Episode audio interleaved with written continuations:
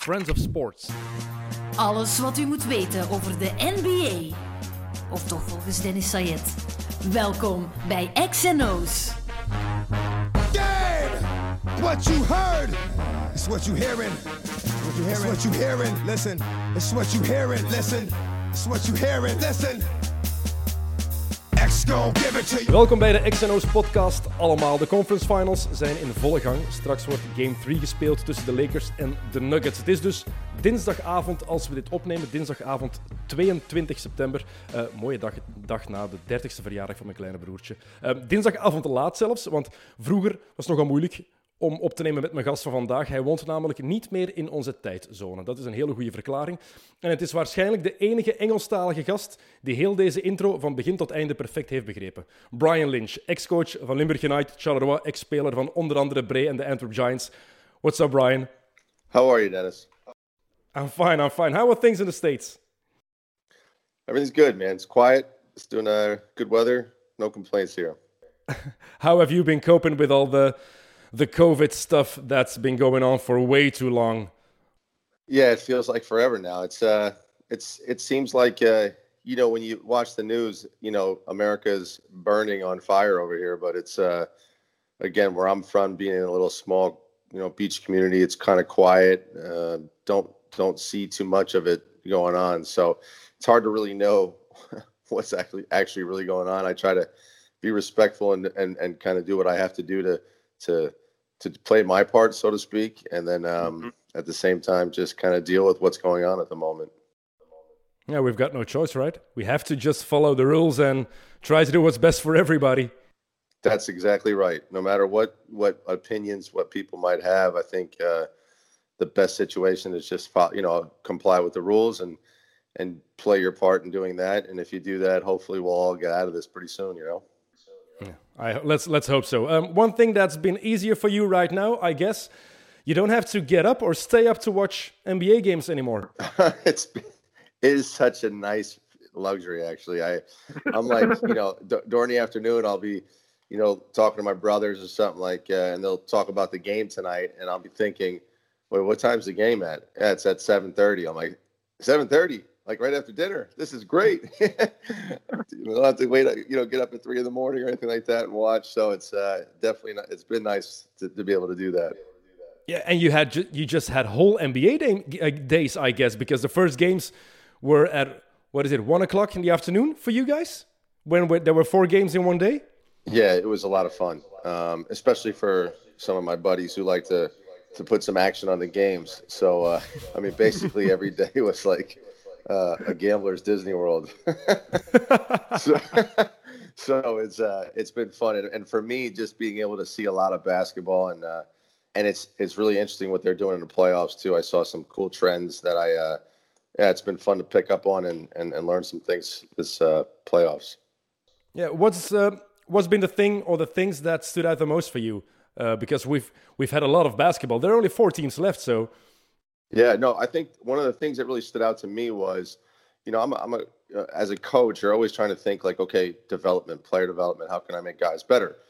And a lot of times, I think uh, what was becoming new was, you know, how to use ball screen, how to have reads off the ball screen. But now, you know, what I'm seeing in the playoffs is, you know, guards are setting the majority of the ball screens, and I think that was really interesting. I mean, I mean how many times you know, do you see Tatum in a ball screen to create a pick and pop situation or even a pick and roll? Uh, you know, and he's a wing player. So it's it's now when you're thinking on player development, you're like, okay, guards, we're going to spend 20 minutes using the ball screens, and next the next 25 minutes we're going to you know spend setting the ball screens and hitting them on the roll, hitting them on the pop, going off to catch off the pop. So I think that you just it's completely positionless now, Dennis. Completely. Um, it's been really interesting to see it and funny uh, when you look at the for me what the the greatest uh, series has been for me in the East. I know a lot of people knock the East, but I'm sorry, man. Like you watch the Celtics, the Heat, you know the way they play. Um, that last series, uh, you know, with Miami and um, um, geez, I'm forgetting off the top of my head here. Um, and Milwaukee. Milwaukee, uh, uh, yes, Miami Milwaukee was really good, but the Celtics and the uh, and um, uh, wasn't it the Pacers, the uh, The Raptors. Uh, Raptors. Thank you. Yeah. That was incredible. no, that was incredible, man. Like you, you were watching two heavyweights with, you know, so many different shot makers, so many different uh, options off of different ball screens. I mean, it was it was really fun to watch. I, I think the East is at the moment winning, uh, you know, my attention span at the moment. And it was so unpredictable, the Eastern Conference. I tried to predict what I thought was going to happen, um, but I had I had a tough time just trying to predict something, just because I wanted to, to, pick Miami, but I was too afraid to pick Miami because yeah, the Bucks are the Bucks, and then you had the Raptors, which which team I love because the way they played without a real superstar. But then you have the Miami culture. You have um, you have always something else. You have the Boston culture, of course, but then Gordon Hayward wasn't playing. You had so many variables that could determine a series. And look at the Raptors Boston series. That was an epic seven game series. It could have closed out, been closed out earlier if uh, OG doesn't score that three pointer, but what a series. Yeah, and then I mean, look at that game six, I think it was, where they just went to like you know double or triple overtime, and like they just nobody would give in, you know. And I have to get, you know, obviously being a, a, a Villanova grad and former Villanova player, so you're going to probably think I'm biased, but I mean, the guy who I just absolutely fell in love with in this playoff series has been Kyle Lowry. I mean, what a pit bull he is. I mean, he takes four or five charges a game. He, you know, he makes big shots. He gets other guys involved, and they they they use him for you know 40 plus minutes a game every single game. I mean, the guy is absolutely made of steel. I love him. So it's, it's look, it's been awesome. This the, the, the especially the East. The East. I mean, don't get me wrong. I love the Nuggets how they came back in their series and stuff. But I just think that the the fight between the the Celtics and the Raptors, and then you had the Heat and the Bucks and stuff. Now the Heat, you know, the Heat beat up on the Bucks a little, but it was more the like you said, it was so unexpected and it was so mm. good. Yeah, it was. Um, I talked about this with uh, Retin Obasohan uh, two weeks ago, and I asked him who would you prefer to have as a teammate, Kyle Lowry or Marcus Smart? I want to ask you, as a coach, oh my god, would you rather be coaching Lowry or Smart? Let me have them both, man. Holy Christmas! um, and and that's that's something that I again, you know, learning as a coach here, like you see what teams are advancing far are the teams that have guys that play both sides of the ball and that are like a little bit more built differently in terms of toughness and you know, guys like Marcus Smart, Kyle Lowry, you, you can't put a price tag on those guys because they just they're so they bring such a, a toughness and a competitiveness to their game and they rise the level of everybody else. I mean, I guess I would I am honestly I would probably and I'm probably gonna kick myself in the butt for this, but I'd probably pick Lowry only because I have I feel like, you know, Villanova guy has already won a championship and everything, but I mean, Marcus Smart is right behind him. I mean, some of the things that he's done. He had a block the other day after he hmm. made a turnover that like that was uh, it was on the fast break that was so insane. Like I was just like, and it came out of nowhere. It's one of those guys that just completely surprises you in, in the playmaking that he does defensively. And he, like I said, like he'll do whatever it takes. I mean, I've seen him on offense, you know, posting guys, shooting the open three. I've seen him on defense guarding every position it's awesome. It's a lot of fun. I'm telling you, man. That guy is uh he's a great guy to have on your team. And he's a guy. Sometimes he takes these dumb shots. These dumb. He makes these dumb decisions. But in these in this playoffs, in these playoffs, the shots just go in. Yeah, that's a big difference. It's, it's see when that happens, then you have a almost like an all star caliber guy because you know you're getting also the offensive side, which you know you're going to get the toughness in the defensive side, but you know, if he starts making those shots, because I'm 100% behind what you said. Like there has been about several occasions where I'm like, no, not right now, and then swish. You're like, all right, it's going.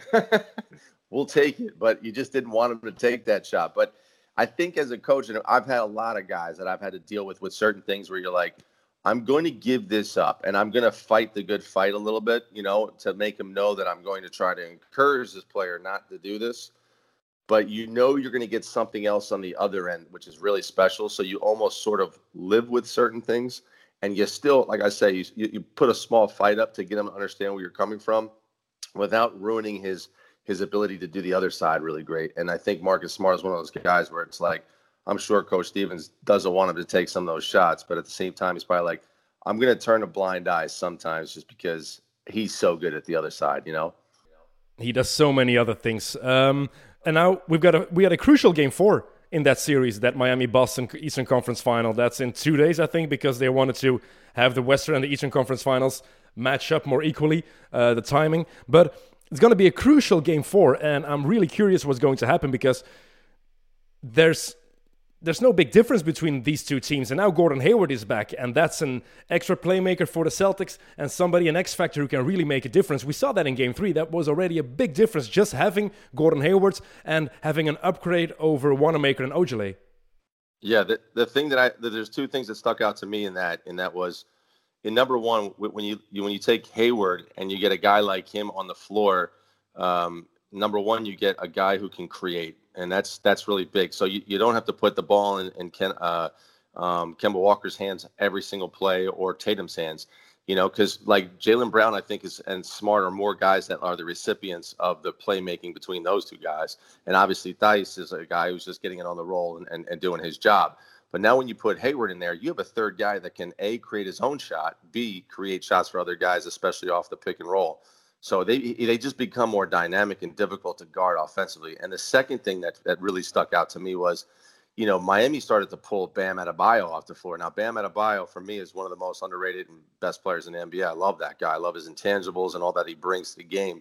And so when you start taking him out of the game and you start going small, you kind of lose like that rim protecting, that facilitating big, um, and it kind of screws up their lineup a little bit. So it's going to be interesting to see for me if Coach Spoelstra is going to like stay, you know, with Bam Adebayo when they go small and make him like be a guy that tries to punish them for going small, or is he going to try to adapt and adjust and go small with uh, with um, the Celtics? I don't think he has to adapt. I think it would be. I think it would be better for, for the Heat if Spoelstra just uses his team and uses his strengths. And like you said, Bam is one of the best players in these playoffs. He's one of the best players in the bubble, offensively and defensively. And I think that puts more pressure on the Celtics if he just chooses to play Bam 35, 38 minutes. Yeah, I mean, I don't know if you guys get the uh, you know the commentating um, over there, but like you know here the commentators are at that game was Mark Jackson and uh, Jeff Van Gundy, and those two guys are obviously high, you know, IQ level basketball guys, and and it was funny right when they kept taking Bam Adebayo out. You know, Mark Jackson mentioned like uh, I think this is a mistake. I think I think you know Coach Spo should actually try to punish them with with him as opposed to adjust. And and I felt the same way. And and Van Gundy was also on the same page. So it's going to be interesting to see if he makes that that small adjustment and says, you know what, we're not going to adjust to them. We're going to play our best game and make you know and let Bam figure it out. Because I mean, the guy is pretty versatile. I'm sure he can handle you know guarding a Jaylen Brown at the five or something like that. Yeah, he's quick enough. He's got the foot speed. Um, he's got the recovery, and yeah, we've seen the elevation. We've seen the second best block, third best block maybe in playoff history because Magic Johnson tweeted that it was the best block in playoff history. I'm sorry, Magic, but that's a lie. We all know the best block ever. LeBron in the in the crunch time of Game Seven the, against the the Golden State uh, Warriors was exactly. for me the best block I'd ever seen. Exactly, and we can't forget the Tayshaun Prince block on Reggie Miller as well. By the way. Oh yeah, oh yeah, that's right. Oh four. Yeah. That was great as well, but nevertheless, what a block! What yeah a fucking block. yeah, especially I mean, especially because Tatum had beat his man, so he didn't have to like uh, adjust. Like he got a clean, good jump off of his strong leg, which is his left leg, right hand. Um, so I mean, he could have either a got posterized or b make one of the biggest blocks in NBA playoff history. And I think uh, I have to admit, man, he came up big. That was humongous. Yeah, that was. Uh, are you surprised by what my, by what Miami is doing? Um, I, I don't want to say I'm, this is because I'm going to sound like I knew it, but I'm, I'm not that surprised. And I, it's funny. I, I did a, a, webinar recently on open offense. Um, you know, when the, everybody started doing these Zoom, you know, clinic presentations. And one of my pictures on the modern big was Bam Adebayo. And the reason why I chose him is because I'm a huge fan of his, the way he plays. Like if I could have one center in the NBA, I would take him. I'd even take him over, you know, Anthony Davis. And and and my reasoning is because he's he owns the center position, even though he's only six nine, but he has the guard skill of passing, movement, uh, you know, even the the the 15 foot jumper he can knock out. So I really have been a huge fan of of Bam. You know, over he kind of grew on me over the last year.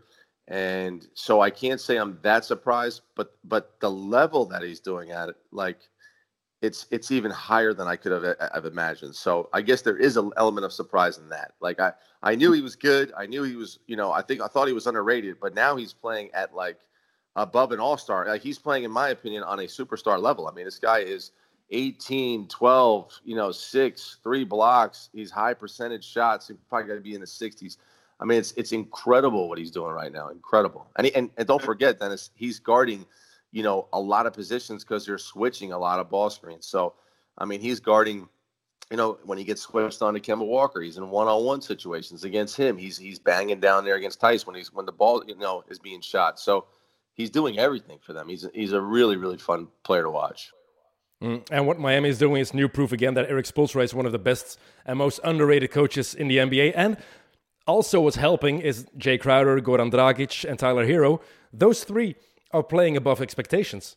Well, how how good is Tyler Herro? I mean, I, I, I knew he was good, but like he he's I, I use the word ballsy. Like he's he's not afraid of anything. Like he has so much confidence, and I've always I've always believed like you know confidence is built in your preparation and your practice. You know, any anybody who I've ever met who was a great shooter was one of those guys who always put time into it and put extra shots. And so it, it was ingrained in me growing up that the more you practice, the harder you train, all that stuff, it builds a confidence. I mean, this guy must be one of the he must be a gym rat because he is not afraid of anything. And the craziest part about it is, you know, he gets pegged as a as a shooter, but I mean, how many times have you seen him use the ball screen and and hit Bam Adebayo at the rim for lobs? I mean, he's creating as well. So, really fun player to watch over the next couple of years to see how how good he gets.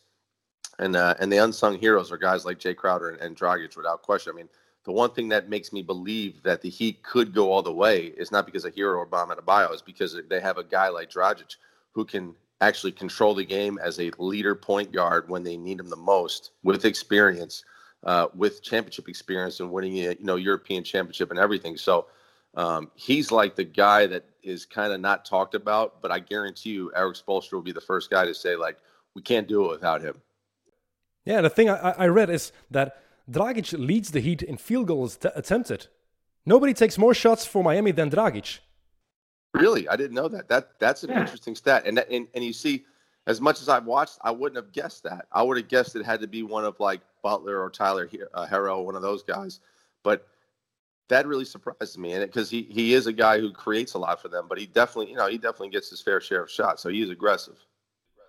Mm-hmm. Uh, on the other side, we've got th- the Celtics who've had some issues with the zone defense, especially. Uh, Brad Stevens doesn't like coaching against the zone, uh, it seems. But Boston has so much talent. And that's the case, I think, with this team, with this Celtics. They have the two best players of the series in the team. The best play, just talent wise, okay, we've got Bam, but Jayson Tatum has the most superstar potential, I think, of everybody in the Eastern Conference right now. And I mean, we've got only only got two teams left, so that's easy. But Tatum, he can be so damn good. So damn good offensively and defensively. Yeah.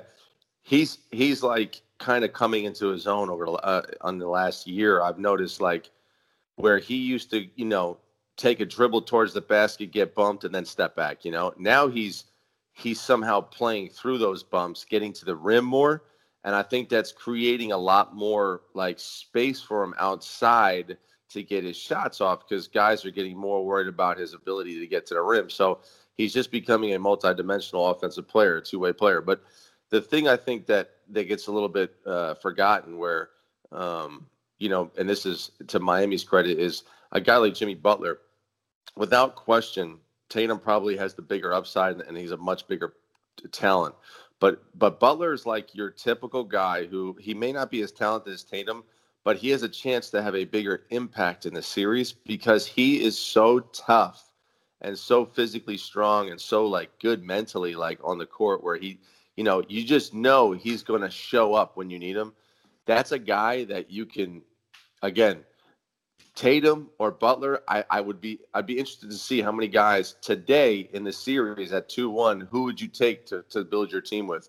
You'd be surprised. A lot of guys might go with Butler as well. So yeah, that whole that whole matchup, that whole that, that's just why I'm saying the East is winning me over huge. I know a lot of people think the East is garbage, but um, I don't know, man. These top teams, these top tier teams in the the Raptors, the Bucks, the, the, the Heat, even even the Pacers had they had Sabonis healthy, I mean, that wouldn't have been a, a, series the way it was. I mean, that that's also a really good team. So I don't know, man. I, am I'm, I'm an East Coast guy, obviously, so I'm, I'm, i could be biased, but it looks like to me that you're getting a lot of more fun basketball and a lot more superstars on the rise in the East.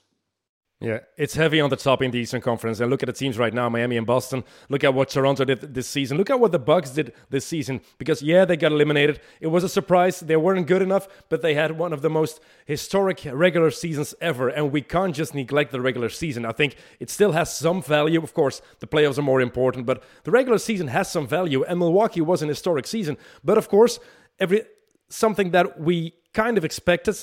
Um, playoff but was there again, and I really.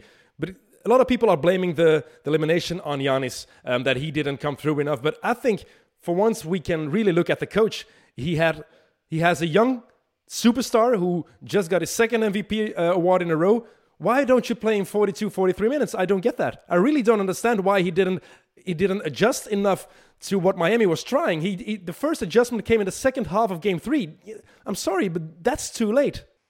Yeah, and and and it's something again where we're spoiled over here where we get to listen to some of the commentators who have you know high level experience. I remember jeff van gundy mentioning that you cannot make the adjustments at halftime or at after the game. He's like if you want to make real impact you need to make the, the adjustments on the fly. You have to say like oh they're doing this. I need to make a change right now before it hurts me.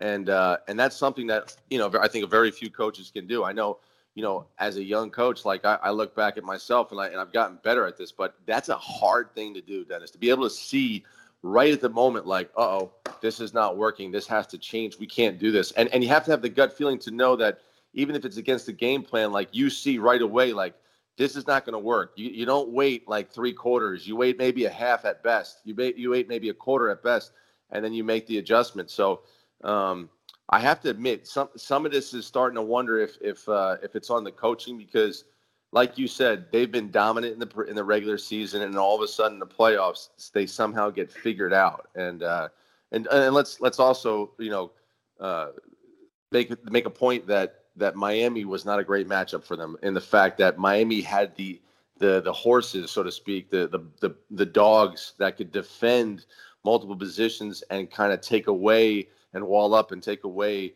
you know, Giannis's uh, strengths, so mm-hmm. to speak. So, and again, uh, you know, you said it before about Spoelstra. I'm a huge Spoelstra fan. Like I, I, I would have actually agreed to the fact that if you told me who are the two best coaches in the last decade, I'd say Steve Kerr and Erik Spoelstra. So I mean, I'm a huge Spo fan. I think they're just they're really good. They're really well coached, and they ran into a, a great team, the Bucks. And again, they probably needed great, great coaching in, in that moment to get through that that series, and they didn't. And I know a lot of onus is going on, you know, Giannis, but uh, you know, Antetokounmpo is still young, man. What is he, 24, 25? Yeah, he's 24. Yeah, he's got time. I mean, I think I don't know when the first time uh, LeBron James won his championship, but um, I'd be pretty curious. I think he was around that age, or if not later. 2012. So LeBron was 27. He was turning 28. He he's got time, man. Like, uh, and I think you know, there's one thing that sticks out with Antetokounmpo is that he he obviously loses confidence. Um, you know, when they start to play him as only a driver, and that's something that he's going to have to you know take on in the offseason to say, okay. I got to figure out a way to not let my mind get in the way when it comes to that. He's got to be able to take the open shot when they give it to him and knock it out, and then open up the floor again for him. Because if if they're going to sit back like and just wall up on him. I mean, he can't just, you know, and that's you know that's what they're doing. Like they're just basically saying like, shoot it, we'll live with you beating us from three, and then we're just going to close that paint up. And you know, and it's uh, I think it's getting harder for him. I guess during the regular season, you know, when you're playing so many different teams and it's not that big of a deal. And you're playing what I call regular season defense in the NBA, he's going to go score 30 something points. But when it comes down to a series of seven games and guys are focused on it, that becomes harder to do.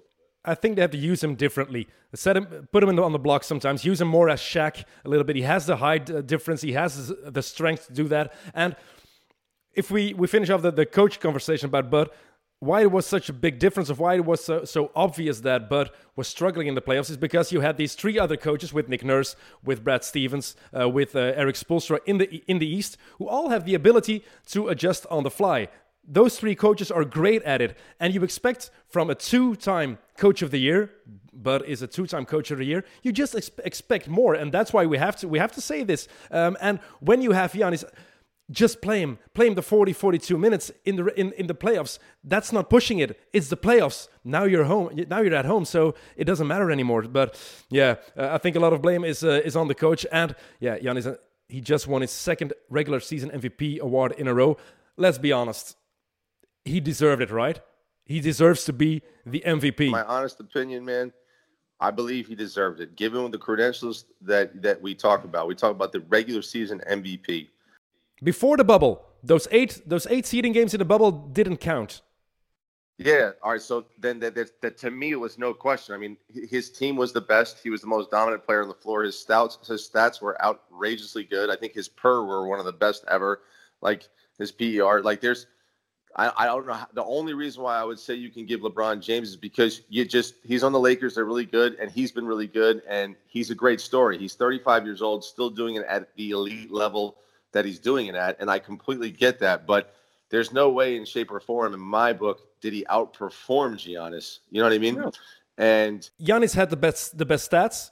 For the, he was the best player on the team with the best record. He was the best defender in, in um in the league. His offensive stats were off the charts. Um, They're stupidly good. yeah, and never, never, we, we can't forget this.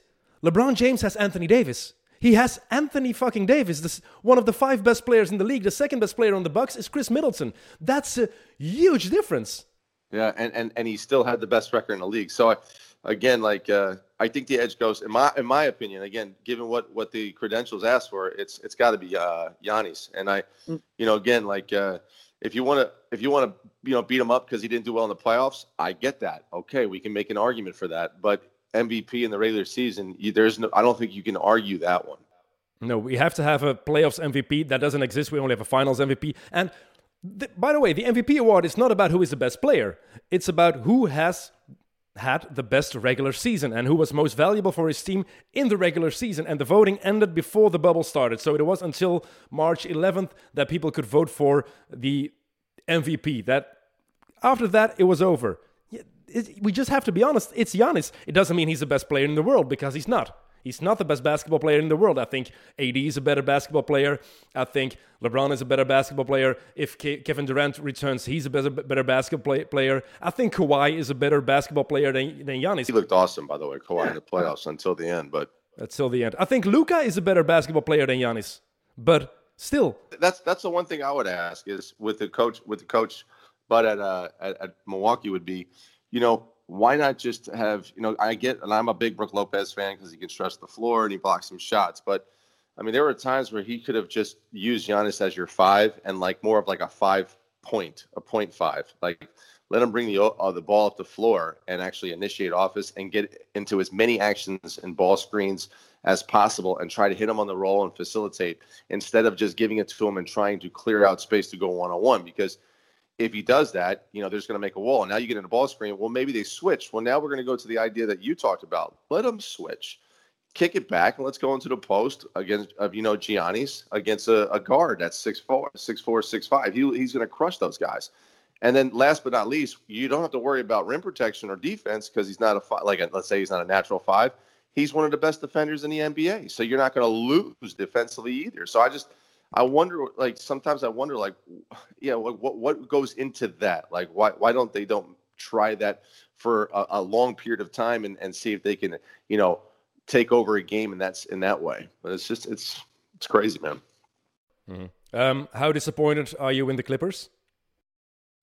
Uh, well, I mean, I mean, I, I love underdog stories, so I can't tell you that I was disappointed when they lost, but I have to admit that I was extremely disappointed because I had expected to see the Clippers and the Lakers now to have a huge series, and I, I don't know. I mean, you know, I don't know if, if Denver can do it a third time. They've already come back three one in two different series.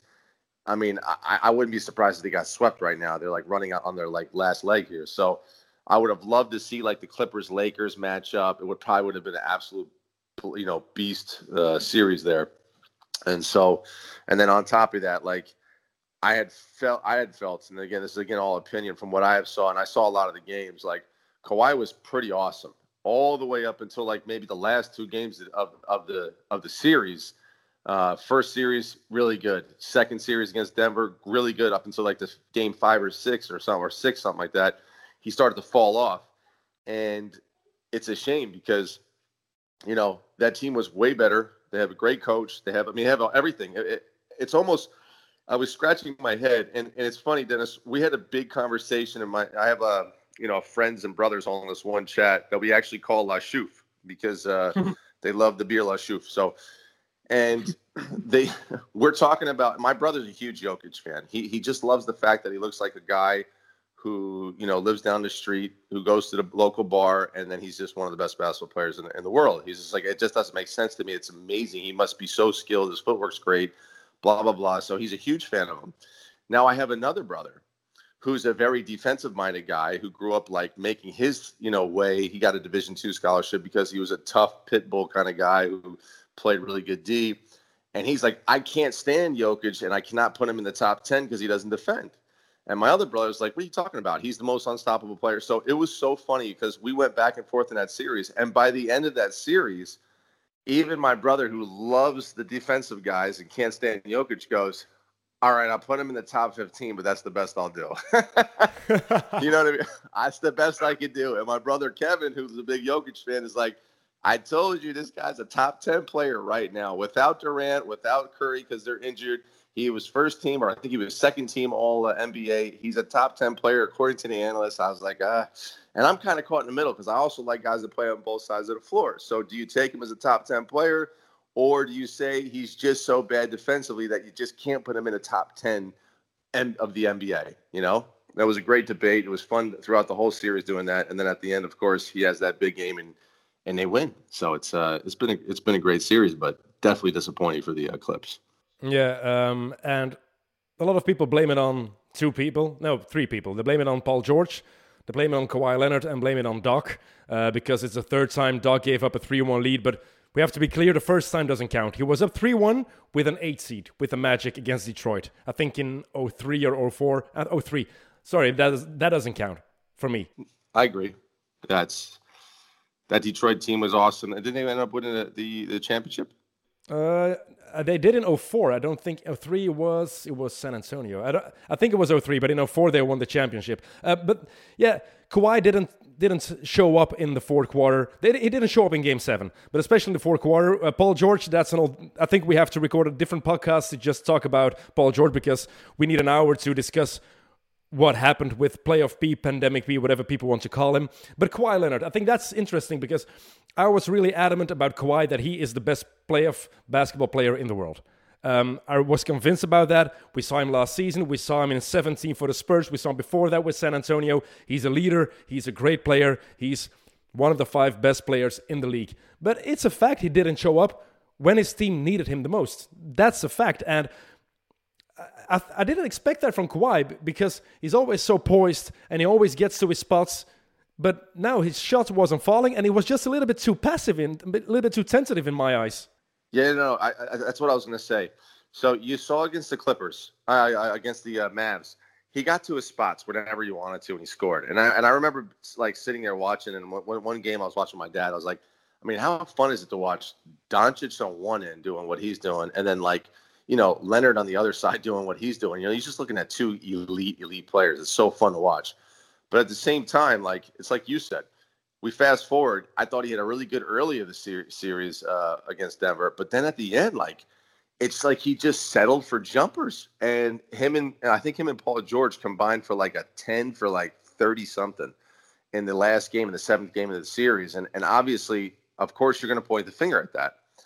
Um, but my question would be like, it was it was it fatigue because that's the one thing that I always feel like you know we play a fast pace when I was at United and a lot of times like if I saw my guys getting tired I would see three pointers that came uh, more around the three point line as opposed to inside out. What I mean by inside out is we're attacking the rim, we're trying to get a layup, and the moment they take it away because of their rotations or whatever, we're going to kick out and get open threes. So we they weren't getting that. Like I felt like he kind of like settled a lot and settled for like pull up jumpers as opposed to what you just said, getting to his spots. When he gets into that paint area and he starts like kind of rising over guys or half spinning and going over his right shoulder. And he's almost unstoppable. I didn't see that in game seven. I saw him just shooting threes and kind of like discombobulated because the things weren't going his way, I guess. And he looked like I remember on one fast break, like he almost didn't even go hard to the basket. And like he, even the commentator was like, well, that, does, that is a, that does not look like Kawhi Leonard right now. And it didn't. And I was like, what is going on? This guy is, you know, time and time again over his career, been so good in these moments, and then bam, you know. So it's I don't want to judge him on that, and I don't want to say it's his fault, but it certainly was a disappointment that, you know, you're so used to something and you expect something, and at the end, you know, he him and you know Paul George really struggled when they needed him the most. Mm-hmm. And like you said, you don't expect it because it's the first time this happens. This happens to Kawhi. First time, one game, um, just one game. It's not like he's James Harden or something who chokes every year in the playoffs. Um, so I think it's a little bit more difficult to blame him, and you have to look at other things that went wrong because in the other games, Kawhi was there. He he showed up. He didn't show up in Game Seven. That's a fact, and we should be strict on that because if it was LeBron James, we all would be really hard on LeBron. We have to be as hard on Kawhi. But what I don't get is people after this happened, so the Clippers are out. Kawhi played a, a, bad game seven, only scored 14 points, no points in the fourth quarter. But then everybody's saying, don't ever compare Kawhi to LeBron again. And I, I don't really get that because we can't forget that it's just Kawhi's ninth season in the league. Nine. Um, LeBron won his first title in season number nine. Kawhi has two championships, two finals MVPs, one lost NBA finals. Um, LeBron had already won two back-to-back one back-to-back MVP awards, or two MVP awards. But Kawhi is a two-time Defensive Player of the Year. I think that's a little bit, yeah, a little bit short-sighted when people say that right now. They don't ever compare those two again. Mm, I don't know. LeBron is. I, I put LeBron at two all time.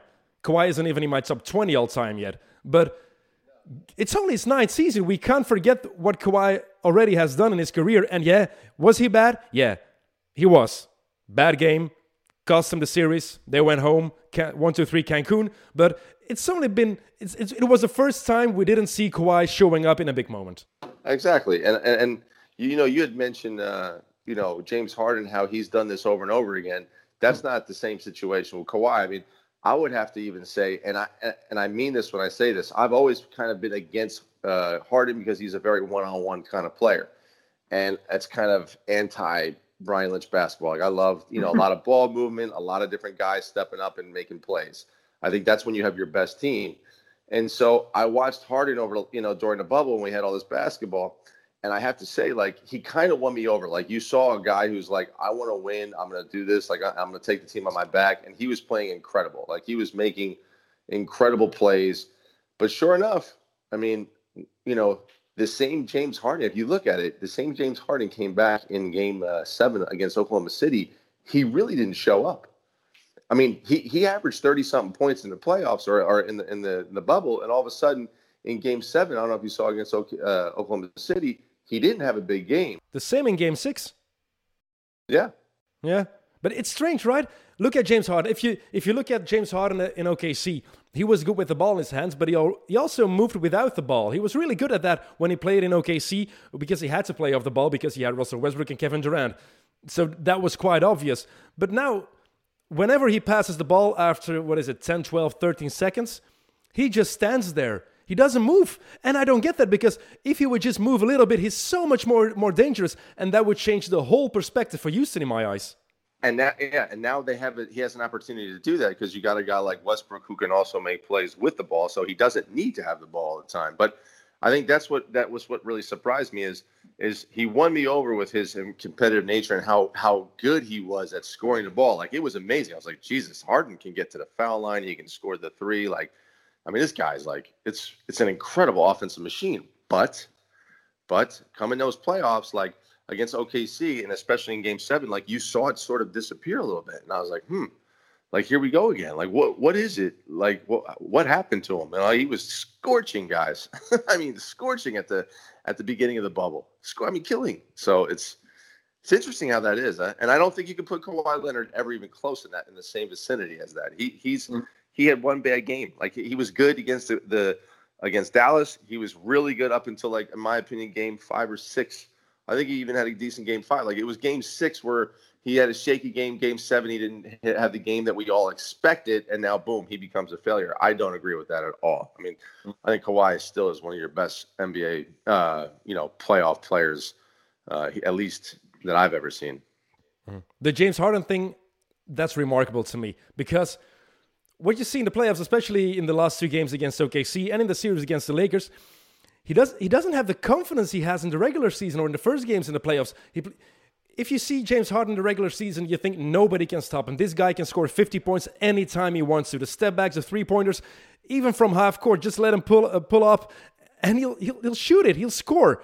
But then you just saw something else, and he looked deflated. He didn't look to have he Didn't seem like he had the fire in his game, and. I was surprised by that that it happened again because it's not the first time we've seen this. It's been year after year after year that James Harden doesn't really show up when they need him the most. Um, it's not a one game sample, and especially the confidence thing that surprises me because you you don't expect a guy like James Harden to lose confidence, and but his body language tells otherwise. Yeah, yeah, it, and it also I, I would even add to this is you know you you take James Harden uh, during the regular season, um, he, like you said, can score anywhere, anytime he wants.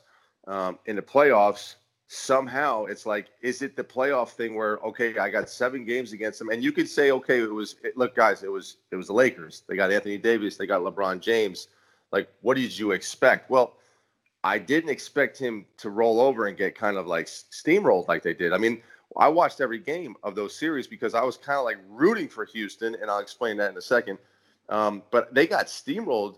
I mean, from the beginning, and there was like one or two games where they sort of fought a little bit and got back into it. But at the end, I was like, like this is not like James didn't have any impact whatsoever, and so I kind of got disappointed at. And the reason why I rooted for them was because they did such something so unique. They went beyond small ball to me. I mean, they were putting like guys like Covington at the five you know, PJ Tucker was playing a lot at the five. He's a six foot five bull. Um, they were using Jeff Green, who uh, is like a you know three four. They were using him as a, as a five, and and they were playing super small ball. And I thought it would be really interesting to see how far they can go with this. And once they hit the Lakers, I mean, it was just like it was never even a, a question whether they were going to win or lose. It, I, I, had thought they were certainly like like one of my brothers said. I think they're going to fight. This is going to be a seven game series. And after like game two, I was like, no, I don't think so. I don't think so. If you were Daryl Morey, what would you do with the team? Holy man, man, that's really interesting. I mean, he's he's already shook it up a lot, right? And now you have a coach who left, and and, and that's something that really makes me wonder why D'Antoni was so quick to say, "I'm not coming back," and then like immediately that's fly weird, out right? to Philadelphia. Oh yeah, I you know from what I've been told uh, through some people around the NBA was like I mean, he, he told those guys like on a Wednesday, and by Thursday morning, he was in a meeting with, with Philadelphia. you know what I mean? So, by the way, I don't think that's a good idea, Philadelphia. I don't believe that. Mike D'Antoni. I don't think that's a good idea. Um, Bill Simmons said it. I think that's a really good idea from Bill Simmons and from uh, Ryen Russillo. Mike D'Antoni has to go to New Orleans. He has to go to the Pelicans. Well, I mean, a guy with his experience and a guy who likes to play very unique style of basketball, like a guy like Zion Williamson being like a freak that he is, I think I think D'Antoni can can do something special with him. Um, you know, he has that he has the experience of playing with guys like that and and making them and putting them in a position to be great. So I definitely think that that could be really interesting. But I I, I was surprised to hear, and that's that's the thing that makes me wonder is like why he ran away from. It was like he wanted nothing to do with it. Like he he couldn't wait to get out of that job. He you know I'm not signing back, and I'm going somewhere else because he knows there's no future. Look at the salaries. Russell Westbrook next season 41 million, season after that 44, then a player option 47. James Harden the same 41, 44, 47. Eric Gordon has a deal until 2024 17, 18, 20, 21 million. Covington until 2022 13 million a year. That's a lot of money in only four players and they have no picks. They don't. They they have no more picks left. So, well, I think I think that the Philadelphia 76ers kind of made that same mistake. Um, you know, they have uh, you know Harris. I think uh, Tobias Harris is going to make something like 32 billion next year, and you know he was he was getting like 14 a game in the playoffs.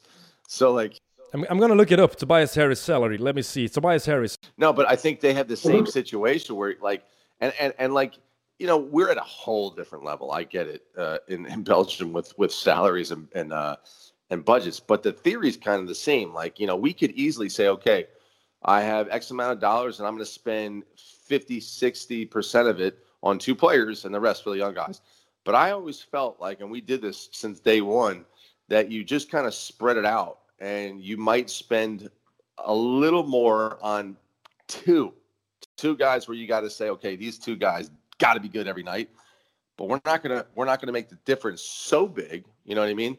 And you're able to get a more of a team now. Like like the 76ers, like the Houston Rockets, like if Harden or Westbrook get injured, or if, if Embiid or Simmons or or Harris gets injured, you're going to ask a lot of a guys who are very low paid role players, and you're going to suck. You put too much risk, and I think, and that's why I, I was disappointed, you know, with the season ending this year because I think this season, especially when we started the season, you know, our tenth guy, our tenth, eleventh, and twelfth guy were guys like, uh, you know, Maxime Depoit, uh, Leander de Droog, um, Sammy Demirtas, who was getting his first, and and you know, to me, Maxime Depoit is a great basketball player in the Belgian league, and he was like our tenth guy, and and that's what made us good, especially early in the season before we got a lot of injuries. Was we had a lot of different players that can play and help you win games. Some of these NBA teams, I feel like they spend so much of their their salary cap on three different players, and then you have to live with those guys, and you and they got to figure it out, you know. And if, if you don't have durability in those in those top three players, you're going to be screwed. And look at look at the Sixers, Embiid. How durable is that guy? Simmons, now his second injury in the next last two years, you know, had a whole rookie season out. Like they're not durable at all. Yeah, and they have Al Horford under contract until 2023, 27, 26 million. Uh, the Tobias Harris deal, by the way. Next season, 34, then 36, 37, 39 million. Wow. And that's pretty gross, isn't it? Yeah. And when we look at Houston, we of course have Westbrook and, and Harden as big contracts, but the problem is if you want to move Westbrook, nobody's going to take that contract. Nobody's going to be willing to get Russell Westbrook for three more years for more than $41 million. 40 Maybe the Knicks, Dennis. That's impossible, I think. Maybe the Knicks. oh, that's a good guess. Big dummies are going to. my favorite team growing up, I've been a Knicks fan my whole life. And, I, and the last 20 years have been brutal. And I'm like, every decision they make, I'm kind of like, what are we doing? Why are we doing this? And uh, sure enough, you just never know. But at the same time, I completely agree. No one's taking those contracts; they're stuck with it, and then you have to wonder. So, so to answer your question, we've been sitting here talking for about ten minutes about it. If I was Daryl Morey, actually, the only thing you can do is try to find a coach that's going to be able to lift a little bit more this style that you're buying into and that you're going to go with, and at least give it another two years and go all in on it and like try to be really unique. I mean, the one thing you're going to do is you're going to get fans, uh, you know, watching your games because you're going to be unique. You're going to score a lot of points. You have a lot of, you know, power, offensive power. So um, you can at least sell that. But winning championships, woof, I don't, I don't know if I don't know if they're going to be able to do it with that team. I don't think they will ever win a championship with uh, the duo of Westbrook and Harden, uh, if I have to be honest. Um, tonight it's game three of the Nuggets Lakers series. Um, when people will be listening to this podcast, the game will be probably will be over. Um, you already talked about Jokic, um, and I heard an interesting stat about Jokic. He's 10 of 15 in the last five minutes of close games in these playoffs. He took 15 shots in the in, in the clutch moments, and he scored 10 of it. And his plus minus is absurd. Jokic is and he, I love to see him play. He's such a delight just to, to see him walk on the floor. And like you said, he's that guy that drinks a beer until three o'clock in, in, in, the morning and then just goes to the court next day and with a with a hangover, he just balls out. Yeah, he just doesn't look. He, it's funny, like the way he is, the way he, like he walks, and but I mean, I mean, how skilled is this guy? It's it's so scary, and how like I mean, the, his ability to pass, his ability to shoot, his ability, his footwork in the block, like how quickly he can get an angle on a guy, and and sometimes I have to admit, like what I've been really enjoying is like, you know, when things aren't going well, he's just kind of getting in the mid post and going to work. If he doesn't have the pass out, like which he does a lot, which he's great at, and and you know, my brother's been teasing my other brother who's not a fan of Jokic, like play him for the pass, play him for the pass what I've noticed in the last game is he started to go to work in the post again, like that old school, get the ball in the post and go to work in the post. And I, I was kind of like, you know what? They can't stop the Joker in the post right now. I don't get me wrong. Um, Dwight Howard is giving him a little bit of fits because he's playing him real physical, but he still kind of gets gets his way in the post. So it's it's fun to watch this guy. I mean, he's just an enigma because he's not athletic, he's not quick. He, he I mean, I, I, think he gives a lot of guys hope. If that makes, I don't, I don't want to sound like. Uh, I, I know, I know what you mean. Yeah, he, he gives a lot of people hope because, like, the only thing that he has that's special is his size. That's it. Okay, don't get me wrong. It's nice to be six eleven or seven foot, whatever he is. Um, but he's doing something, and I think Doncic, in a way, is another example of that. But I do think that he gets a little bit. He's underrated with his athleticism. I don't think people realize how explosive his first step is and how quickly he can slow down and decelerate at the end of his move to get guys moving forward to like get shots and passes off. He sort of slows the game down, down that way. But but Jokic is not an athlete at all. It's a basketball IQ, Ryan. It's a basketball IQ. Yeah, he, he's a great, great basketball player. That's what he is. He's a great, great basketball player. He's not an athlete.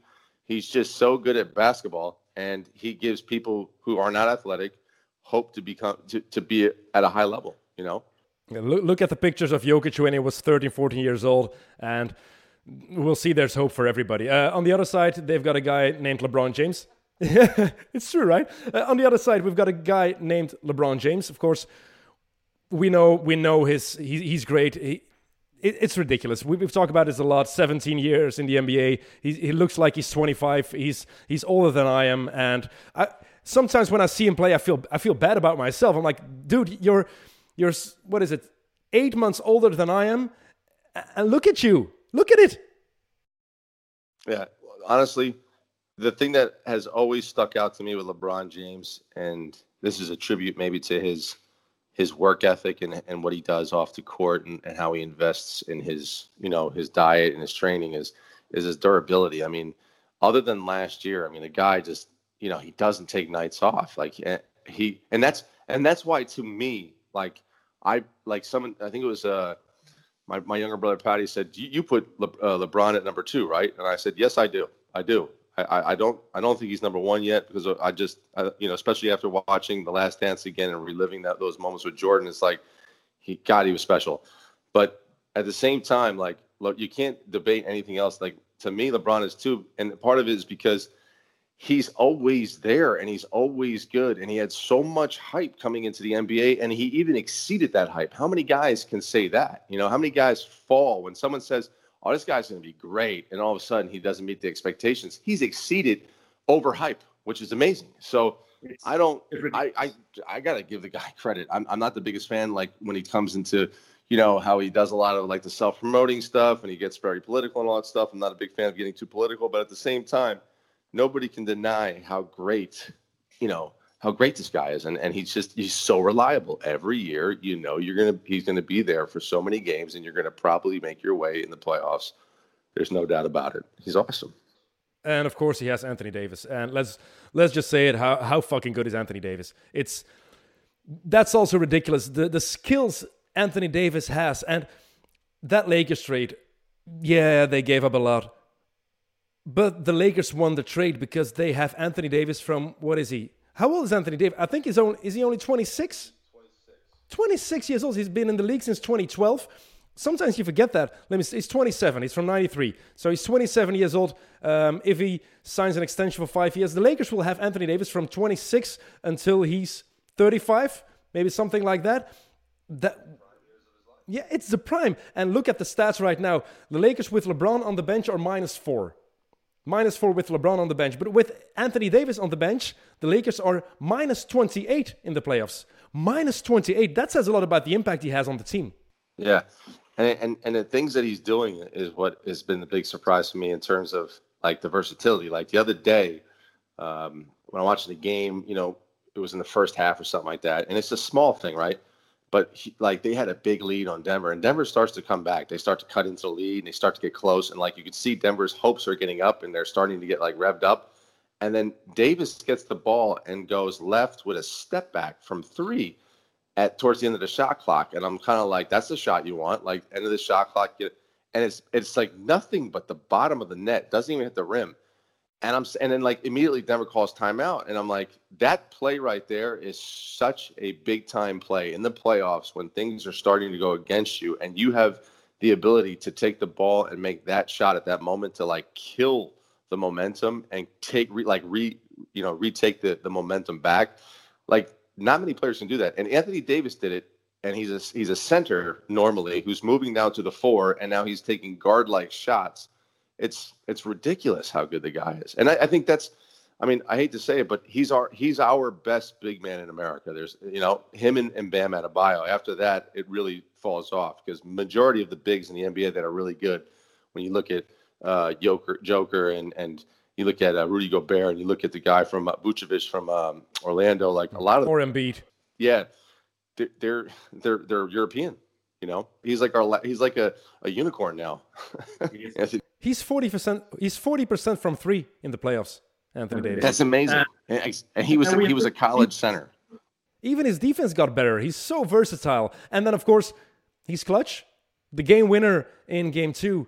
Um, you you don't expect a seven footer to take that shot. Yeah, he's six foot eleven, whatever. That's seven foot. It's tomato tomato. But what a shot! Because yeah, he had a clean look, but Jokic came really close with that closeout. Um, that that was a great shot. Well, I mean, you know, Chris Finch got a chance to uh, coach him in uh, in New Orleans, and um, you know, I, I I asked Chris one time, like, I was like, Coach, like, how, how good how good is he really? Like, he's like, how good is he? Like, really good? I was like, he's I'm like, yeah, like, really, how good is he? He's like Brian, there's nothing I can say to him that he either A doesn't already know and B that he doesn't pick up at the snap of a finger. So if we want to add something to his game, it's like it's like like you ever see the Matrix and you put something yeah. in the back of your head and it's like and you got it. That's how it is with him. It's like, all right, we're gonna we're gonna work on this, and bam, like next day he can implement it into his game. Like he's so good and skilled. He's like, so there's basically nothing you can't do with him. You can do whatever you need to do with him. You need to play him as a you know, off the elbow. You need to play him at the high post. You need to play him in the block. You need to play him as a guard. Like, there's nothing you can't do with the guy. So, I mean, that, that guy's, it's another, there's only about, and for me, there's maybe 10, 12, 15, 13 guys in the NBA where you're just like, yeah, that's ridiculous. He's one of those guys, I think. Um, everybody blames my, uh, Mason Plumlee for the, the de- defensive mistake, but I'm not sure if it was Plumlee's fault. We don't know what the assignment was. If it was switch all, then it's Jerami Grant's fault. If it was stick with your man, it's Plumlee's fault. Yeah. So this is killing me. I this is unbelievable. So I had to go do something my, towards the end of the game uh, upstairs to check on the kids, and I came down and I missed it, and I got a message from my brother in the chat, La Chouffe, what the hell was Plumlee thinking? So I didn't get a chance to see it, and I was kind of just like, ah, they lost, and I was kind of hoping that the Denver Nuggets were going to win to make it the, even the series up. So I flicked it off and went to bed. Haven't seen it since. So I would actually like to relive it with you. Tell me what exactly happened. So we have to. Let me, I'm going to pull it up right now. Give me a second. That's easy.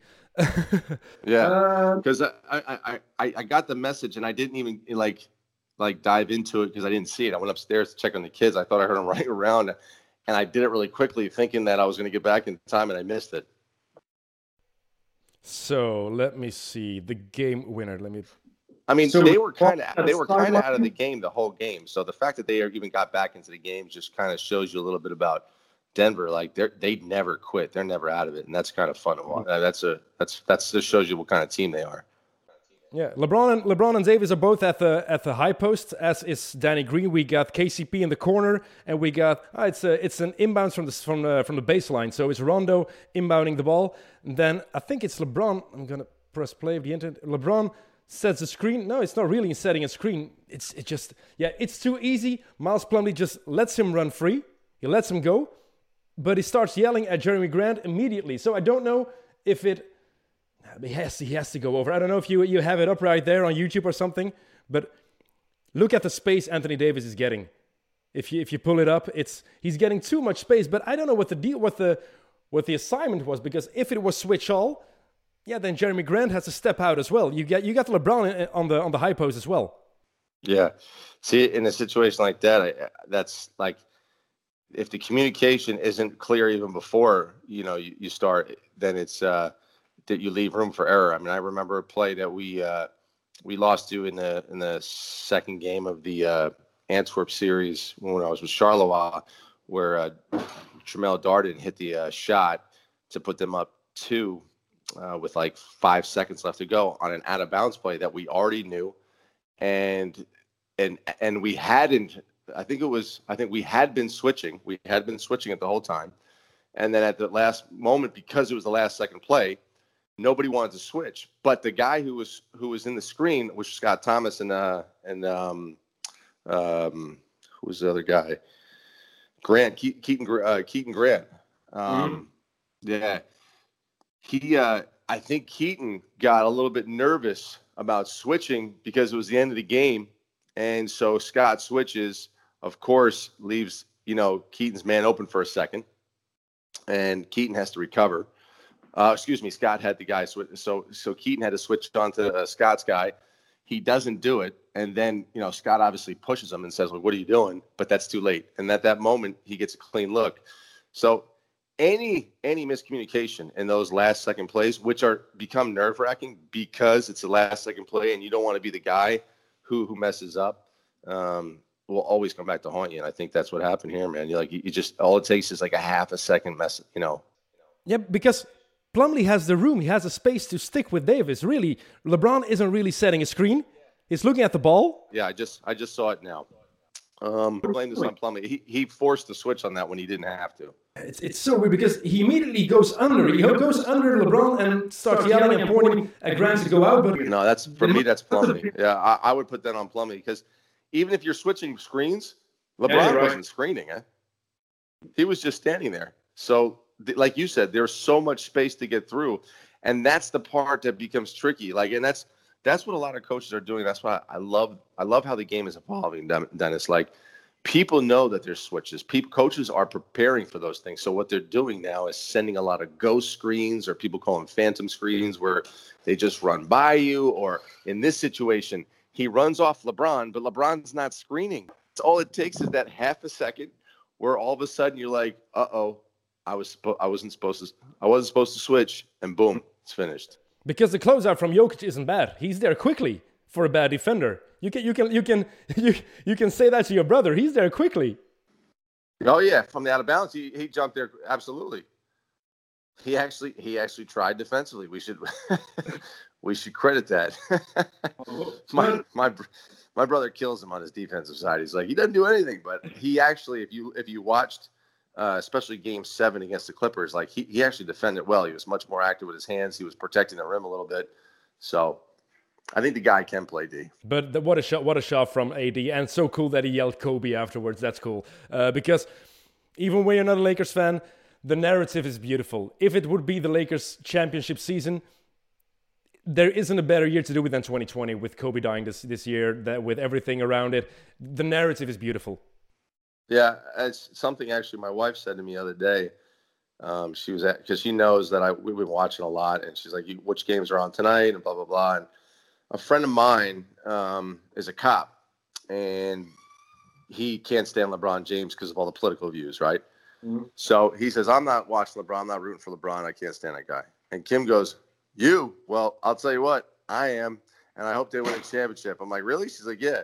She's like, "For Kobe Bryant." Not for LeBron, not for AD, for Kobe Bryant. And I was like, you know what? You're right. When he, he said it like that, uh, being a Kobe Bryant fan that I was and kind of, you know, growing up with his era, like I now kind of like want to see that. Like you said, it would be a perfect story for, for 2020 and the Lakers to have that kind of, you know, that happen in his honor. It would be awesome. Yeah, and they haven't they haven't lost a game in the in the Black Mamba shirts, so uh, that's uh, that's that, that's quite awesome. That's quite awesome. Um, do you think Denver still has a chance? They of course have to win Game Two. They want to have a chance, but although you never know with these Nuggets, but they have the young team. They don't seem that impressed. They they could have won Game Two. Um, what do you think about the next games? Because of course people will be listening to this when Game Three has already been played, but the talent is there. They're playing without Will Barton, who's a, important part of this team. But we have Jamal Murray becoming kind of a superstar. We have Michael Porter Jr., who has had some important minutes in this series. Jerami Grant, who I think is an integral part of this uh, of this uh, this young core. And what a young team it is, the Nuggets. Um, I, am a fan, to be honest. I like I love to see them play because, especially because I like I like to see Jokic play, but. they play if the, if it's clicking, they play so freely. Yeah, I, I even like the guy Gary Harris on the on the wing. Yeah. You know, uh, just you know, solid defender, good open, you know, good good offensive player. Um, certainly with missing Will Barton, I think he would have definitely been a help. And the guy who also is a little bit of a, a surprise to me, and you love these kind of guys because he broke into the NBA. He didn't get drafted. Is Monte Morris out of Iowa State? I think he's making like 1.5 million a year now. Of course, 1.5 million is awesome, but in the NBA terms, that's not a lot of money. That's peanuts in the NBA. Yeah, it's peanuts in the NBA. So this guy's making peanuts, but he comes in the game and he's efficient. He doesn't turn the ball over. He makes good plays and he just makes open shots. So like, and, he, and he's a solid defender. So they have some some guys that can just, you know, just fill the spots so well. So I don't want to count them out. And and you really, like you said, you can't count the Denver Nuggets out because they show that they're a real team and that they keep fighting. Um, I do think that tonight is a pivotal game because if you go down 3-0, I do not think it's the same as 3-1. Um, I think that then the series is definitely over. They got to win tonight. Got to got to win tonight if they want to have any chance. And I like Mike Malone. I think Mike Malone is a great guy, not just as a coach but as a person. The way he interacts with his players is something that that, that, that I really like. And you see that the players like him too. And if you hear LeBron James talking about him, because they worked together in Cleveland when Mike Brown was the head coach, uh, Mike Malone was the assistant coach for the Cavs back then. LeBron loves him. And if somebody like LeBron James says something like that, it has some extra significance in my eyes. Yeah, it, it obviously holds some some uh, some some some significance, but I think uh, when you see after the game when they won the game and you see the star players of the team go right up to Coach Malone and hugging him, um, then you realize that that's a real team. That's a that's like a family. Those guys are playing hard for him, and uh, that that the coach is a part of it. You know, there there are definitely teams that are really talented, and the coach plays his part, but the players do their part, and there's not a real bond between the players and coaches. But I saw something different when they beat the, the Clippers after that game. It was like a, a family uh, coming together. It was really nice to see. So, and uh, and again, uh, one of the guys like Coach Malone, like I've never heard a bad thing about that guy, and, and a lot of the commentators that are former coaches all speak very highly of him. So I think this guy is kind of showing that he's uh, becoming one of the elite coaches in the league. I mean, um, what he's done already with two three one series has been awesome. It's been uh, it's been ridiculous, but in a good way. All right, Brian. Thanks a lot for making some time uh, for me uh, today uh, on this uh, Tuesday. Um, it was great talking to you again. It's been way too long. It's been way too long. Um, by the way, are you going to going back to coaching, or do you have don't have an idea yet about that? It's uh, a little bit too early to tell, just because um, you know I've made a lot of contacts over the last years uh, in the NBA and the G League, and the situation is a little bit shaky right now. So uh, what it is is that the NBA has to figure out the negotiations for the next coming seasons, um, especially given the situation with coronavirus and whether they're going to have fans or no fans in the, in the in the stadium. And apparently, like you know, forty percent of the income is from the the, the fans and the arenas, and and that, that's going to affect the economics of being able to pay the players. And there's a lot of things that have to be worked out. Um, and so because of that. Um, a lot of teams at the moment, you know, maybe other than a head coach here or there, but they're not really messing around with staff. Uh, they don't know when the season's going to start. Um, I've heard so many different stories in the G League. I've heard that they might even cancel this season. I've heard that they might actually start on time because they're going to be the only, you know, if the NBA is not playing and the baseball is not playing and hockey is not playing, then that's the perfect time to play G League basketball because they'll get all the TV exposure. And then I've heard that they probably won't start until February or March of next year. So I've heard so many different scenarios so uh, you know, I, I, keep networking. I keep talking to a lot of people that are involved in, in you know in both the G League and NBA, and um, things are positive in terms of you know connecting with these guys, and and and and they, a lot of people like what they see with the resume, but.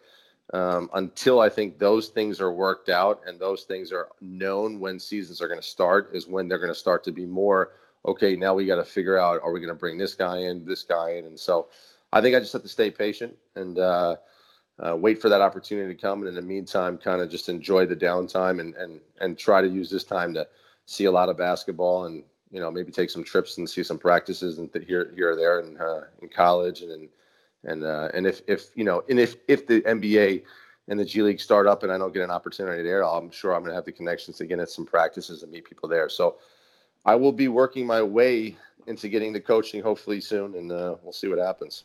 Brian, uh, I wish you all the luck. I appreciate it, Dennis, and then uh, and thanks for having me on. This is always great fun to talk hoops with you. You are uh, an absolute NBA uh, almanac. It's always fun to talk to you. Thanks a lot, man. You got it, man. Alright, het was het voor uh, deze X en O's. Volgende week zijn we normaal weer terug, maar er zijn natuurlijk ook nog een andere podcast van uh, Friends of Sports. Uh, deze week is er al vandaag, denk ik eerder op de dag, dus dinsdag is dat, is er al een mid-mid opgenomen met de one and only Joris Brijs, die bij Sam en bij Evert is komen zitten. Er is ook een kick and rush een mid-mid kick and rush, moet ik zeggen, op uh, donderdag. Met uh, het vaste trio, met uh, Leroy, Jelle en met Tim. En ik denk ook dat er wel een nieuwe aflevering van Vals Plat komt, onze Wheeler podcast. Dus genoeg om naar te luisteren. Ik bedank u alvast voor het luisteren naar deze uitzending. En heel graag tot de volgende keer. Salut!